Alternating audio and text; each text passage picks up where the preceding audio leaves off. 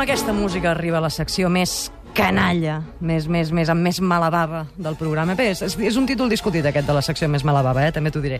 És l'art criminal amb en Ricard Mas. Aquesta setmana m'han dit alguna cosa d'artistes que falsifiquen ells mateixos, però Sí. no ho he acabat de- d'entendre i dic, m'esperaré que vingui el Ricard i m'ho expliqui bé, això. Jo t'ho explico, jo t'ho explico. Primer el que haurem de distingir és què vol dir falsificar. Què vol dir falsificar? Exacte, perquè la gent es pensa, diu, no, és que te'n faig un d'igual que no d'allò, i... No, no, no, falsificar és algo tan senzill com donar gat per llebre.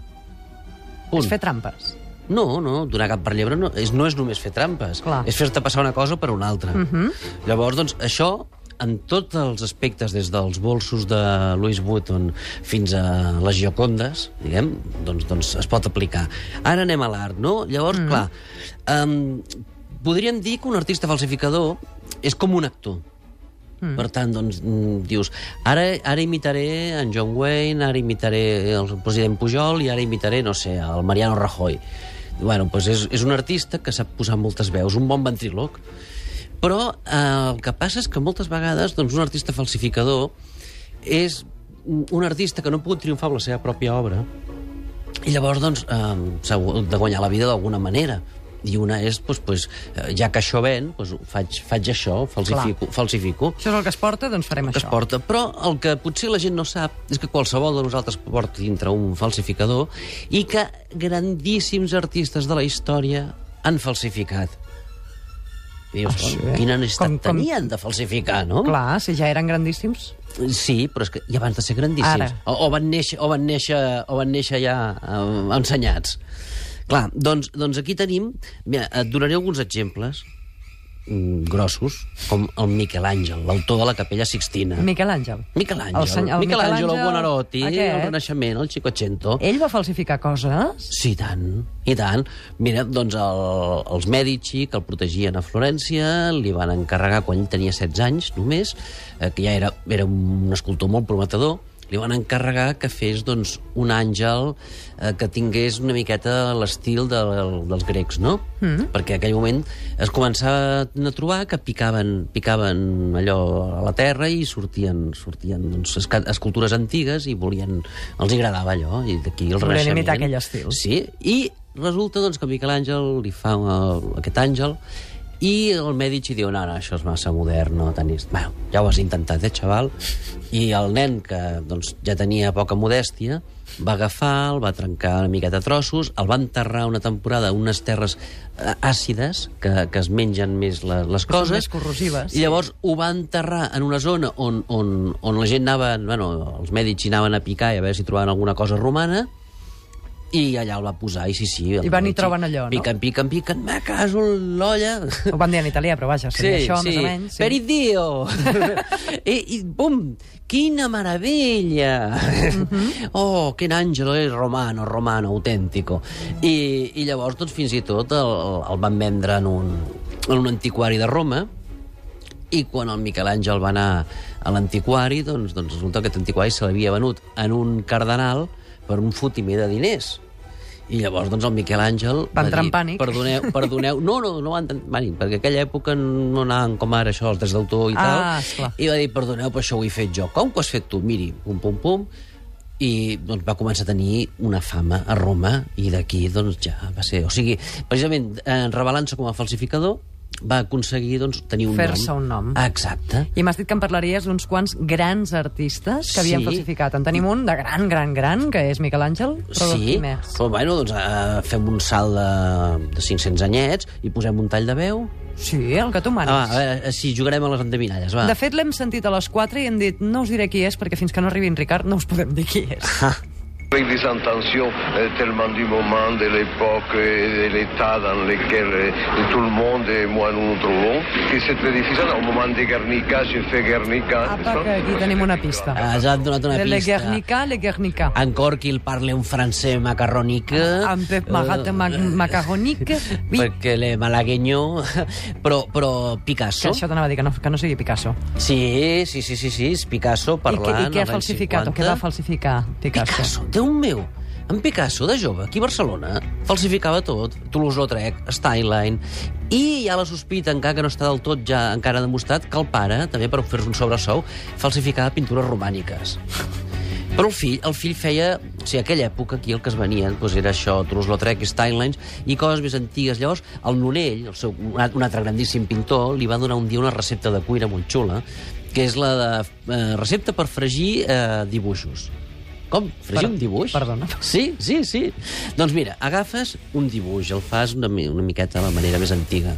Poses una, un, una paella mm, i li tires res, dues, tres gotetes d'oli, esperes que s'escalfi, ho reparteixes bé i poses el paper i que es vagi fent a foc lent. Llavors li dones la volta Tot això va de debò. Sí, sí, sí, sí, sí, va molt de debò. I llavors, doncs, el paper doncs, semblava més antic. Ah, Dius, oh, és que això és un Toulouse-Lautrec que té 20 anys i, i ha passat unes quantes vicissituds. I en Picasso, doncs, doncs eh, al Museu Picasso tenen un, una cosa molt divertida, que és un paper, i posa Stein, Steinlen, Steinlen, Steinlen, Steinlen, i és la firma de Steinlen, que era un, un gran dibuixant molt famós de l'època, i el Museu Picasso diu, mira com l'admirava, no?, que, que, que assajava la seva firma, anda ja. El que estava, estava provant la firma per, per falsificar els dibuixos. Això, això... I, i, i et diré més encara, eh, dius, oh, tu, Ricard, al·lucines, potser. Diu, però tu, mira, Ricard, al·lucines. Sí, doncs a l'any 31 resulta doncs, que el Feliu Elias, un amic íntim, company i a més un gran crític d'art, diu, mireu que raro, es, ho va escriure al, al, en un diari, diu, sabeu el, el Picasso, que, aquest Picasso que tots coneixien que guanyava la vida falsificant? Doncs ara resulta que a París el falsifiquen a ell. I això, doncs, doncs, doncs eh, ens dona la, la veritat, no? Llavors, doncs, eh, encara tenim, encara tenim doncs, pintors que es falsifiquen a ells mateixos. Però això té algun sentit? Sí. Falsificar-se un mateix? Sí, té un sentit. Giorgio de Chirico, per exemple, l'any 10-12, triomfa en la pintura metafísica. Als anys 30 ho deixa estar. I als anys 50 passa gana. I la gent només compra pintures de l'època metafísica. Doncs resulta doncs, que pinta quadros de la manera de, de, de feia 40 anys i els signa i els ven com no, bueno, això ho tenia a l'època que no ho vaig vendre. Manel Viola, un pintor, de, un pintor aragonès, però criat a Lleida, també feia el mateix. I encara, encara Manel Viola va col·laborar amb, amb Camilo José Cela. Sí, però aquest no era pintor, que sapiguem. No, no, ah, però era un gran falsificador. Sí. De què?